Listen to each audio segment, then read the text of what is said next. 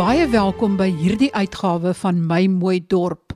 Dit is die program waar ons graag mense bystaan om weer van hulle dorpe 'n modeldorp te maak. En dit beteken natuurlik dat die gemeenskap in alle woongebiede van die dorp ook weer floreerend word. Daar is verskeie dimensies en aspekte om 'n dorp weer funksionerend te maak en 'n gemeenskap floreerend. Een daarvan is baie meganies. Dit behels die regmaak van slaggate, seker te maak dat waterpype nie lek nie en dat die rioolpompe werk, om maar net om maar net enkele voorbeelde te noem. Maar wat doen mens as almal in die gemeenskap dink dat om die slaggate reg te maak en om iets te doen is eintlik die munisipaliteit of iemand anders se probleem? Ek kan maar papiere rondgooi want iemand anders gaan dit optel. Hoe laat mens iemand 'n kop skuif maak om anders te dink oor goed? Om self in te spring en die sypaadjie voor jou huis en die kanaaltjie voor jou huis skoon te maak en netjies te hou, 'n lus vir die oog. Die papiere op te tel, dit mooi te maak vir jouself en vir al die ander mense om jou, want dit is tog sekerlik die begin Nee, die heel eerste ding is eintlik die kop skuif. En dit is seker ook een van die moeilikste dinge om reg te kry. Maar 'n jong man in die Sondagsriviervallei het die kans aangegryp toe hy die geleentheid kry om betrokke te raak by 'n program waar daar juis gefokus word om gemeenskapleiers te identifiseer, om leiereienskappe te ontwikkel en om mense nie te laat kyk na dieselfde probleem en om nuwe oplossing vir ou probleme te vind. My spesiale gas vandag is Theo Besidenhout. Hy is betrokke by die Sondagsriviervallei Collaborative. En hy gaan sommer nou self verduidelik presies wat is hierdie collaborative wat ons so van praat. Baie dankie Marie. Goeiemôre aan jou en jou luisteraars. Die collaborative kom van 2014 2018 wat ons baie sistemiese konflik gesien het in in die Sondagsrivier Vallei veral maar ook in Suid-Afrika.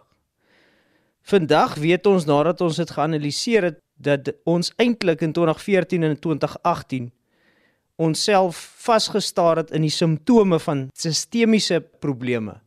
Om dit kortliks op te som is ons het in 2018 eintlik meer in 2019 het ons 'n spesifieke benadering gevolg met die hulp van 'n professor Pretorius wat van Port Elizabeth afkom om te probeer om hierdie probleme wat ons sien in die Sondagsriviervallei aan te spreek. Hy het 'n model wat hy verander het van 'n Britse sosioloog met die naam van Margaret Archer. Dit is morfogeneties. Morf beteken om te verander, om te transformeer.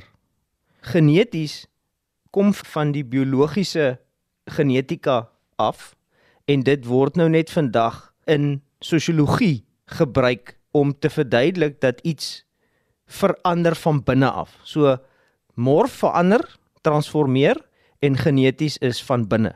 Met ander woorde, dit is nie net die klere drag van buite wat verander nie, dis die hart en die kop wat verander. Dis presies so.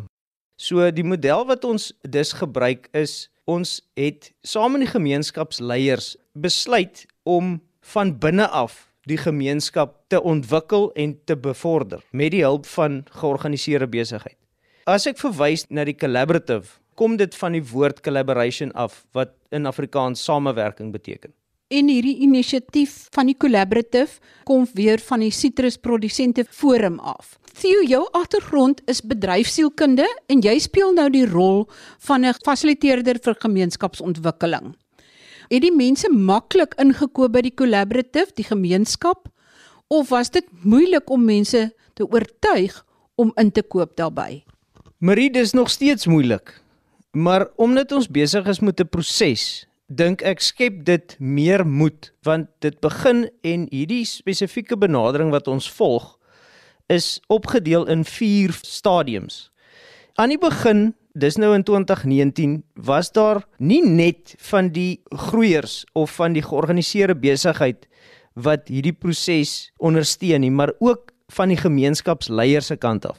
Het ons begin met 'n groepie van 6, 3 van georganiseerde besigheid en 3 gemeenskapsleiers. Met daai platform het ons besluit om op 'n sielkundige vlak kopskuive te maak om op te hou vingerwys na al die probleme wat ons sien en ons vas te staar teen dit. Ons het saam besluit ons gaan 'n model bevorder wat alle perspektiewe insluit. Dit is 'n benadering van almal is welkom en almal moet ingesluit word. So het die proses gegroei dat dit al hoe makliker geword het. Aan die begin was daar natuurlik partye wat nie die proses verstaan nie en wat nog nie die kopskuive gemaak het nie wat buite die benadering sit en dit as 'n bedreiging gesien het. Maar soos wat ons veral deur die tydperk van COVID-19 het al hoe meer mense in die gemeenskap aan beide kante van die tafel as ek so kan sê dit gesien as is 'n manier hoe om samewerking te bewerkstellig. En ek dink dit is die verskil van waar ons kom tot waar ons vandag is. Theo, ek het van die aksieleiers ontmoet en ek was nogal baie beïndruk want een van die groot opstokers in die vallei is nou 'n arbeidsonderhandelaar. En van die ander is weer betrokke by maatskaplike ontwikkeling en byvoorbeeld by naaldwerk en hekelwerk en om goeder te produseer of te vervaardig. Vertel vir my bietjie meer van die verskillende groepe wat daar is. Marie, wat ook baie belangrik is om te verstaan is dit wat voor die proses is waarvan ons nou praat. Is daar meganiese werk wat gedoen word? As ek dit kan opdeel in twee is daai werk fokus op die meganika. Hierdie werk waarvan ons nou praat is in 9 dele opgedeel wat meer fokus op die dinamika. En die 9 verskillende areas kom uit hierdie collaborative benadering uit waar ons gesit het en gesê het kom ons gaan kyk na wat is die oorsprong van hierdie probleme wat ons sien in die Sondagsriviervallei en dit is goeie soos kommunikasie swak inligting wat versprei word, dan is daar spesifieke voorbeelde van miskien ons onderwysstelsel wat nie werk soos ons dit noodwendig wil hê dit moet werk nie. So dit is klaar twee spanne. Dan is daar gesondheids- en maatskaplike probleme of fokusareas wat moet ten minste fokus kry as aan die fokus is nie. En dan het ons waarna jy net verwys het, 'n span wat kyk na arbeidswetgewing want omdat ons so groot gaping sien tussen ons gemeenskappe wat nie voordeel trek uit die ekonomiese stelsel uit nie het hulle ook nie die finansiële agtergrond en bystand om unies eers te hê nie of om unies te betaal om hulle te verteenwoordig nie. So wat ons dan daar gedoen het is om gemeenskapsleiers die kapasiteit te gee deur CCMA opleiding te gee deur met professionele mense te werk en hulle dan die verteenwoordigingswerk te gee wat 'n Unie byvoorbeeld sal doen. Die ander areas is natuurlik die ekonomiese ontwikkelingsareas. Ons het sportvelde en geriewe wat totaal tot niet gegaan het oor tyd. Dit is hoe ons hierdie collaborative in fokusareas opgedeel het sodat mense in gemeenskappe nie hoef frustreerd te wees deur alles in een pot te gooi nie. Hulle het nou spesifieke plekke waar hulle heen kan gaan, spesifieke mense wat opgelei is so as hulle frustreerd is met die onderwysstelsel as 'n voorbeeld weer eens, dan weet hulle om na hierdie gemeenskapsleier toe te gaan en hy het weer 'n netwerk of sy het weer 'n netwerk van mense wat hulle kan help. Theo, sien jy 'n groot verskil of sien jy al enigsins 'n verskil vandat jy in 2018-2019 begin het deur die COVID tot nou? Hoe diegene anderste oor goed dink, miskien sterker leiereienskappe toon en meer dinamies is. Marie ongetwyfeld en ek herinner net weer almal dit is 'n proses waarmee ons besig is. En een van jou vorige gaste het gesê ons moet begin dink 200, 300 tot 500 jaar. Ons is besig met 'n sistemiese verandering en ek sien verseker baie groot verskille. Veral as ek wys na die eerste stadium van hierdie proses. Daar is soveel mense wat reeds die kopskuive maak en as jy die model van Simon Sinek verstaan, As jy 16% van mense laat verstaan dat ons moet anderster kyk na dieselfde prentjie en in Engels praat ons van 'n paradigm shift. As ons dit regkry, dan sien jy die verskille wat gebring word.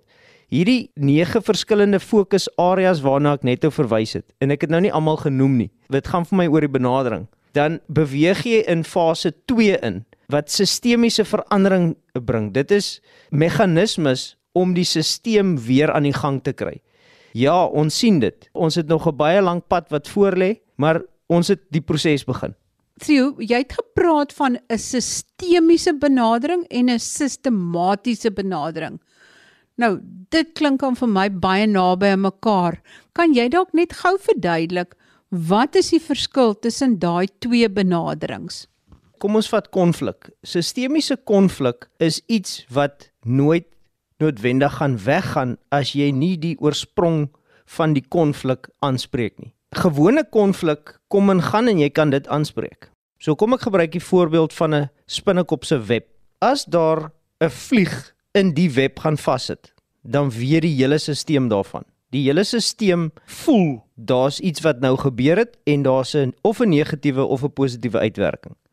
'n Sistematiese stelsel is meer 'n stelsel wat op sy eie staan, soos 'n silo. So as die vlieg nou in die silo gaan vasvlieg, dan is hy apart en niemand anders weet van die probleem of voel die effek van die probleem nie. Theo, vertel my meer van daai verskillende stappe. Wat is die eerste stap om 'n kopskuif te maak? Ek gaan dit opsom deur te verwys na die eerste stap. Dit is 'n 'n manier hoe om anderster na dieselfde probleem te kyk. So ons het daar juis begin en geïdentifiseer dat ons moet leierskapopleiding doen om te help hierdie proses fasiliteer waar mense kan hierdie kopskuive maak en anderster kyk na probleme wat hulle elke dag in die gesig staar. Die tweede fase is die meganismes en die stelsels wat ons sien wat of tekort kom of dalk glad nie werk nie of net groot probleme het as gevolg van kapasiteit daar's dalk mense wat en ons weer eens ons wys nie vinger nie, maar daar's dalk mense wat nie gekwalifiseerd is om in daai stelsel te werk nie of dalk nie die stelsel verstaan nie. So fase 2 is basiese herkalibrasie van wat reeds bestaan.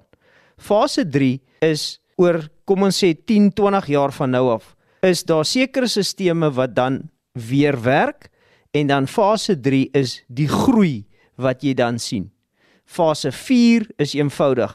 Dit is dan soos die Engelse woord inclusive well-being.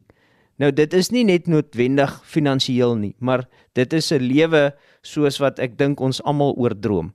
Ja, Theo, ek moet met jou daar saamstem. Met hoe meer mense in die gemeenskap ek gesels uit verskillende woongebiede, word dit baie duidelik dat almal eintlik maar dieselfde wil hê en dit is skoon water, netjiese strate, 'n netjiese woongebied om in te bly, al die basiese dienste wat gelewer word en dan die potensiaal vir goeie werkgeleenthede om 'n gemaklike lewe te kan lei en waar hulle kinders goeie opvoeding kan kry en dan geleenthede na skool danksy goeie skoolopleiding. Nou al hierdie dinge is nog nie in plek in hierdie vallei nie. Wat sien jy as die volgende stap? Die eerste fase is tussen 18 en 20 maande. Die tweede fase kan tussen 10 en 20 jaar vat. Die derde fase gaan weer na 3 tot 5 jaar periode en fase 4 is dan hopelik vir die res van tyd. Ons kan nie die toekoms sien nie. Ons weet nie wat die toekoms inhou nie. Maar ons het ten minste 'n proses wat ons gebruik om ons te lei en ek sou sê totdat ons by fase 3 uitkom, kyk jy na ten minste 30 jaar. Sjoe, so mens moet nogal geduldig wees. Theo, jy het nou nou verwys na dat in die 2014-2018 onluste jare of probleme dat mens eintlik vasgekyk het teen die simptome.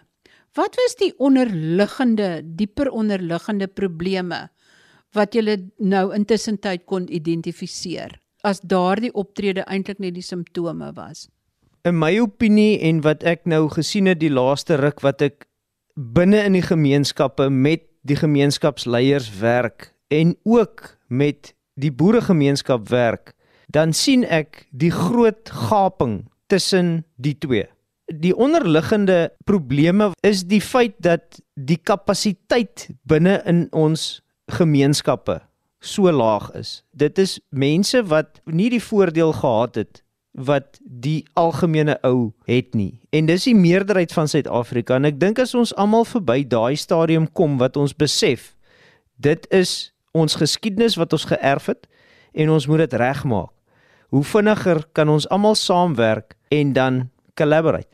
Hoe meer ek ook navorsing doen, kom ek ook agter dat daar maar baie groot verskille is in die onderwysstandaarde by verskillende skole en veral by laerskole waar die kinders as hulle by 'n hoërskool kom nog nie behoorlik kan lees en skryf nie. Hoe kan mens dankie sê vir al die werk wat Theo doen en vir al die sitruskweekers wat agter hom staan om hom te help om hierdie werk gedoen te kry om 'n hele gemeenskap te probeer help. Ek gaan weer in die toekoms met Theo gesels dat hy van hierdie lesse wat hy geleer het met julle kan deel. Want dalk wil julle dieselfde ding in julle eie dorp doen.